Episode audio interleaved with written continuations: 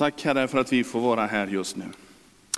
Tack Herre för att du vill röra vid våra hjärtan. Jag ber att vi ska öppna dem Herre och att eh, du ska låta mig få säga de ord som du har tänkt Herre. Jag ber att vi ska få lyssna på lärjungasätt så som du har tänkt.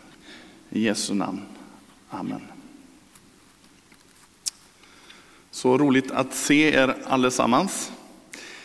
Ehm, det känns ganska hemma här, trots att jag ju inte jobbar här, men jag känner väldigt många av er. Och det känns väldigt roligt att vi får samlas på det här sättet.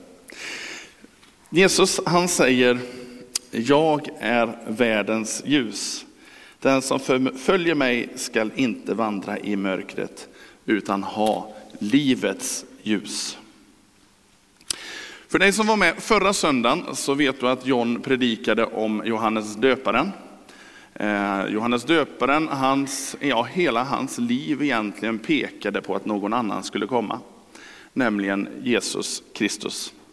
Eh, han pratade om att han själv, alltså Johannes, skulle bli mindre och Jesus skulle bli större. Han hade förstått vem Jesus var. I kapitel 8 i Johannes så säger Jesus just detta, jag är världens ljus. Och man kan väl säga att reaktionen låter inte vänta på sig. Utan det som följer här efter är intensiva diskussioner, ja, inte riktigt slagsmål, men inte långt därifrån, över att han säger de här orden. Bara att han säger jag är, som är orden för att han egentligen är Gud. Eh, Jesus har just medlat i en konflikt. Precis i de första verserna här i Johannes 8. Ehm, det är ett gäng grabbar som kommer dragande på en kvinna som enligt deras lag skulle dödas. Jesus han vänder på hela den här situationen genom att säga den av er som är utan synd, alltså den av er som aldrig har gjort något fel, den ska kasta första stenen på henne. Men eh, efter detta så lämnar alla de anklagade, eller de som anklagar henne, de lämnar platsen. Först de äldsta, sen de mer sturska unga människorna, de inser att de har alla gjort fel. Och i vers 9-11 så befriar Jesus henne från sin synd. Inte heller jag dömer dig. Gå och synda inte mer. Vad Jesus gör här är att när de här gubbarna kommer dragande på den här kvinnan så är det så att alla blickar är riktade på henne. Det är lite som att vi ser henne ligga här på scenen. Det är kolsvart överallt runt omkring och alla lampor lyser på henne. Man ser ingen annan. Men Jesus han är rättfärdig, han är ren. Han ser rakt in i hjärtat på den här kvinnan. Men han ser också rakt in i hjärtat på alla de här gubbarna som kommer med henne. Han vet att det här är riggat.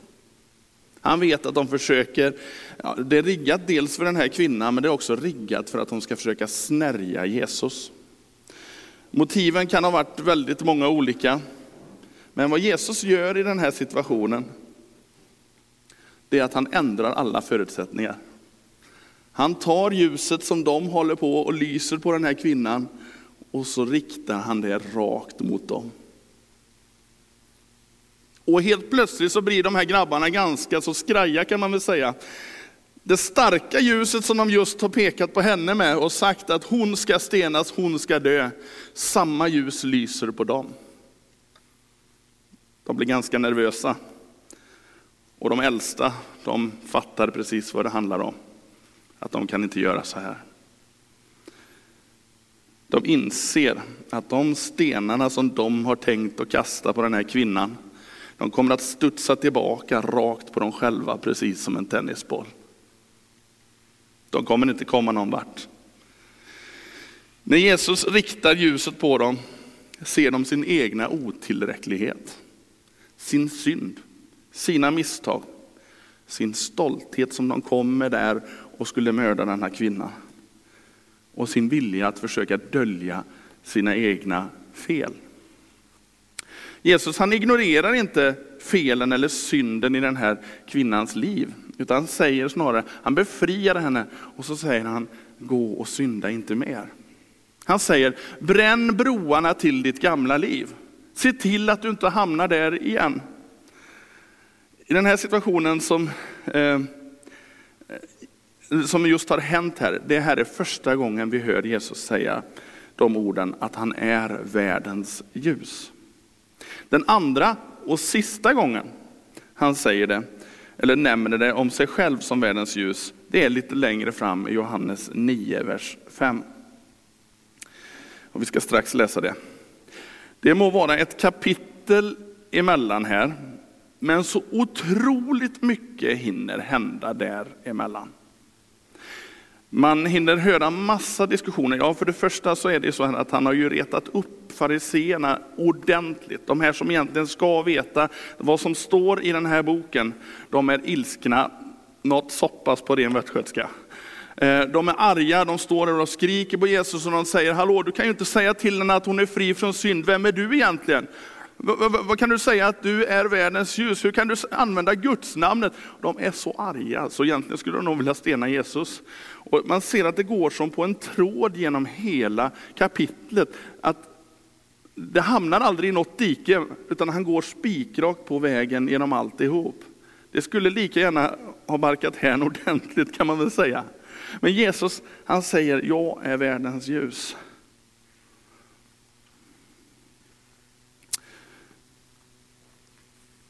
Så enkla ord, men med så stor reaktion. Jesus han börjar undervisa i det här kapitlet.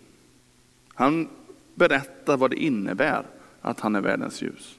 Och då säger de, men du, du kan ju inte vittna om dig själv. Det måste ju vara någon mer som vittnar om dig. Och de börjar trassla in sig i det ena och det andra. Men Jesus han pekar på sin far. Min far vittnar med mig. Och du kan ju se på de här människorna som har fått uppleva det här ljuset, att de, de vet vad det handlar om. Jesus han talar om sin relation till sin far i himlen. Han talar öppet om att han kommer hit till jorden för att betala din och min skuld, våra synder. Ordet synd betyder ju att missa målet, amartaia är det i grekiskan. Då fattar vi lite mer. Vem av oss har inte missat målet? Jag har missat många gånger, men också träffat. Han säger att sanningen ska göra dem fria. Och det här gör inte fariseerna mindre arga kan jag säga. Läs gärna de här kapitlerna när du får tid. Ehm, det är kapitel 8 och kapitel 9 i Johannes. Ehm, när Jesus andra gången säger att jag är världens ljus så är det när han botar en blind man. Vi läser den versen. När jag är i världen är jag världens ljus. Vid det här tillfället så hintar Jesus om att han inte alltid ska vara rent fysiskt i den här världen. Underförstått så ligger också en kallelse till dig och mig i de här orden. Återigen vill Jesus ändra riktning på det här med ljuset. Han är världens ljus, men han vill att ljuset ska spridas ut över våran jord. Och vi ska gå till Matteus kapitel 5. Och läser några verser där. Så här står det där, vers 13 till 16. Ni är jordens salt, men om saltet förlorar sin sälta, hur ska man då göra det salt igen? Det duger bara till att kastas ut och trampas ner av människor. Ni är världens ljus. Inte kan en stad döljas som ligger på ett berg. Inte heller tänder man ett ljus och sätter det under skeppan, utan man sätter det på ljushållaren så att det lyser för alla i huset. Låt på samma sätt ert ljus lysa för människorna så att de ser era goda gärningar och prisar er far i himlen. Nu riktar Jesus återigen ljuset på dig och mig. Han vinklar om strålkastarna. Först och främst för att du och jag ska få bli fria, befriade ifrån synden som försöker att förstöra hela den här världen. Vi behöver inte predika ondskan, vi behöver inte predika synd, för det ser vi precis överallt. Vi ser att det finns i varenda buske, höll jag på att säga. Nej, men vi ser att det finns så mycket elände i den här världen och ibland känner man att hur ska vi orka leva i den här världen? Men Jesus han vill befria oss. Han vill ta bort våra fel och våra synder, våra misstag. Men han vill också att vi ska spegla det ljuset vidare. Han sa om den första, eller de första troende kallade man ju för de som gick på vägen, men också så kallade man dem för kristna. Och att vara en kristen, jag funderade lite på det här ordet. Att vara en kristen, vad är det för någonting? Jo, det är ju att vara lik Kristus. Att vara lik Jesus Kristus. Och för mig blir det här ganska stora ord. Ska lilla jag vara lik Jesus Kristus? Jag har egentligen ingenting, men han har allt. Men du och jag kan få spegla honom. Vi kan få vara små Jesusar helt enkelt, som går omkring här på jorden och speglar hans ljus. Som speglar vidare det till andra människor. Och varför säger jag spegla? Jo, därför att vi själva, vi har inget ljus. Vi kanske tror att vi har ett ljus.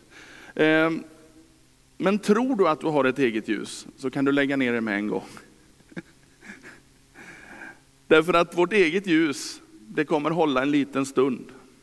Du kanske tycker att du är en stjärna, ja jag ska inte ta ner det på jorden, men det ljuset kommer hålla dig en stund. Men det kommer inte hålla i evighet. Men det här ljuset som Jesus ger, det tar aldrig slut. Och när Jesu ljus får lysa in i våra liv, då kommer det att avslöja vansinnigt mycket saker här inne. Ehm, men det är först då som vi kan få verklig frid. När hans sanning får göra oss fria. Vi kan säkert putsa upp en fasad så det ser vackert ut emot andra människor. Men tro mig, människor ser väldigt bra skillnad på ditt ljus och Guds ljus. De ser vad som är äkta och vad som är fejk. Så låt Jesu ljus lysa in här inne. Som eh, när en eh, sommarkväll, jag tänkte på det igår, vi har ett brittiskt bibliotek hemma med väldigt mycket böcker som vi har byggt. Vi bor ju i ett gammalt missionshus, så jag, jag har missionerna nära hjärtat. Ehm, I alla fall när solen kommer på kvällen och lyser in i biblioteket, då avslöjas allting. Om man inte har fått bort dammet överallt eller om man har fått bort eh, spindelnät och allt som kan faktiskt uppstå i ett hem, det avslöjas alltihop av ljuset. Och likadant är det när Jesus lyser på våra liv. Allt avslöjas. Men det är ju faktiskt först då som vi kan bli verkligt, verkligt fria. Jesus vill att du ska bli fri ifrån allt bös. Det är sant när han säger att han älskar alla människor. Men han älskar oss för mycket för att låta oss stanna kvar där vi en gång var. Det är en väldigt stor skillnad. Jag tror att vi behöver förändras. Vi behöver förvandlas. Låta hans ljus få förvandla oss. Lämna det gamla bakom oss. Lämna det som en gång drog ner oss i synden. Lämna det som, bränna de broarna som är tillbaka till det gamla livet. Och våga gå på den nya vägen som heter Jesus Kristus. Han vill att du ska spegla Guds ljus. Han säger, ni är världens ljus. Nu till sist så vill jag ta med er på en, ett äventyr som hände i maj för ungefär ett år sedan. Som en blixt ifrån en klar himmel. Jag sitter i bilen strax norr om Jämnesjön och åker på små grusvägar Jag vet knappt vilken kommun jag är i. Men i alla fall så, så, så åker jag där borta och så säger det bara genom hela panelen i bilen. Och jag undrar vad det är frågan om. Hela panelen blir svart och sen börjar den lysa igen. Och nu är det inte så trevligt när en sån sak händer i en bil. Jag har sett det på väldigt många bilar. Jag har jobbat med bilar i rätt så många år. Eh, så att jag känner till många av de här nyckerna i bilarna. Men det här var lite obehagligt, för den här bilen är, den var tre år gammal då och den ska inte ha några nycker överhuvudtaget.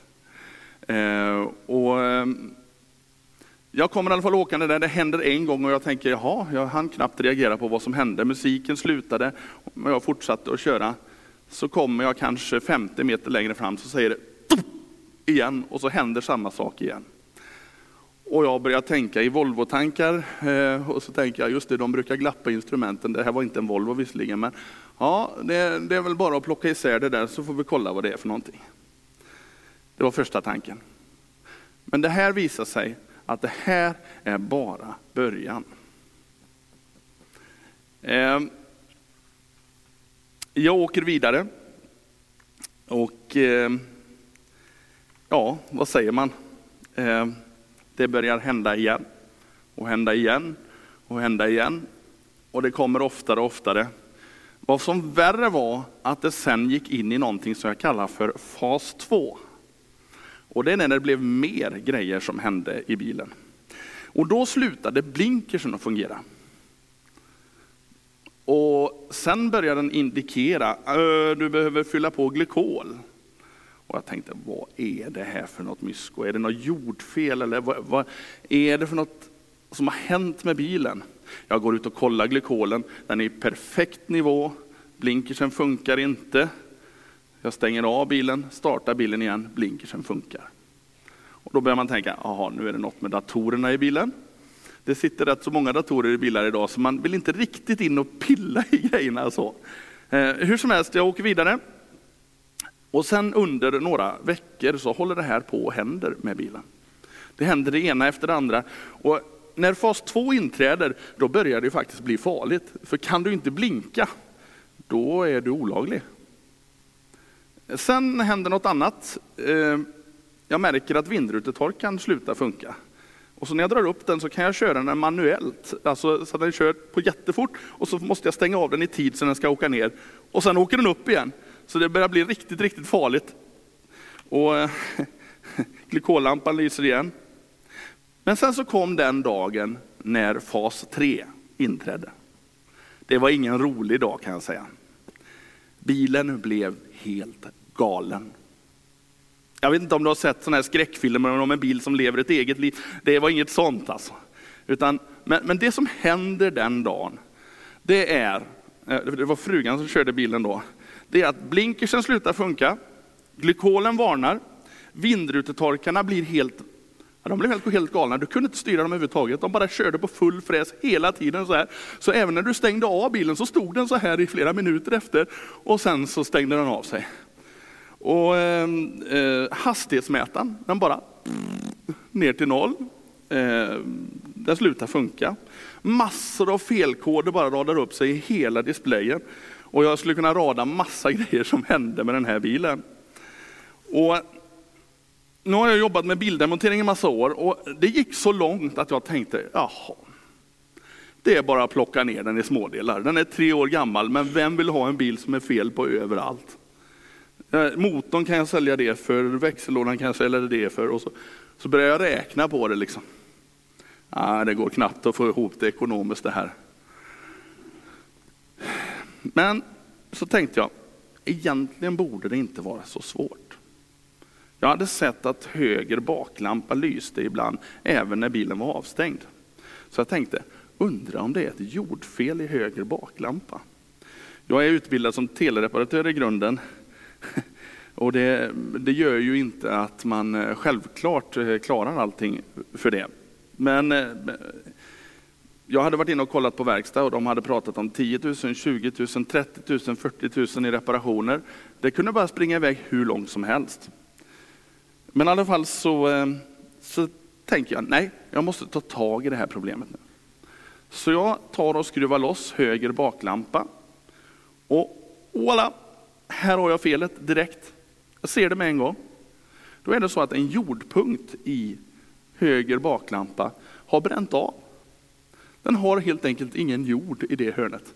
Nu kanske inte alla förstår vad jag pratar om här, men ni, ni får försöka hänga med ändå. Eh, den har helt enkelt ingen koppling till det hörnet i bilen. Eh, så jag eh, gör helt enkelt en ny jordpunkt. Och det här som skulle visat sig på verkstad kostar 20, 30, 40, det kostar mig 3 kronor. Och det kostar mig kanske en halvtimme i tid att åtgärda. Jag gjorde en ny jordpunkt och jag lödde om kablarna och satte om dem och satte den helt enkelt så att det funkar. Och detta visade sig vara orsaken till alla problem i hela bilen. Att den inte hade jordpunkten där bak. Alla problem försvann i ett enda nu. Varför berättar jag detta? Jo, därför att vi behöver vara kopplade till Jesus Kristus. Om inte vi är kopplade till honom så kommer det bli ganska mycket konstigt.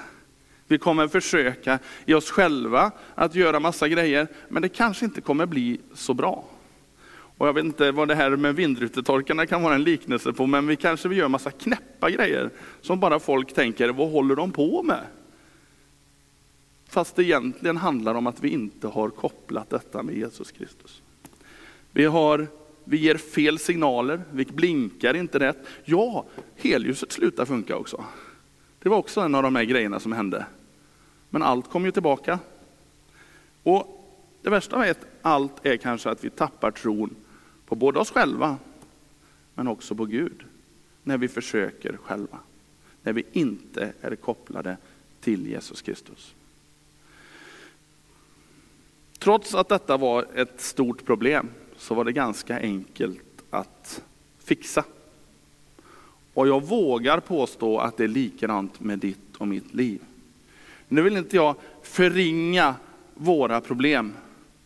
Men jag tror att om vi kopplar med Jesus Kristus på riktigt, om vi verkligen låter hans ljus lysa in här inne, om vi verkligen låter hans sanning få förändra oss, även om vi tycker det är jätteobekvämt med en hel del av de sakerna som han säger till oss, så är det ändå för att han älskar oss, för att han vill förvandla oss så att vi kan få ett helt nytt liv.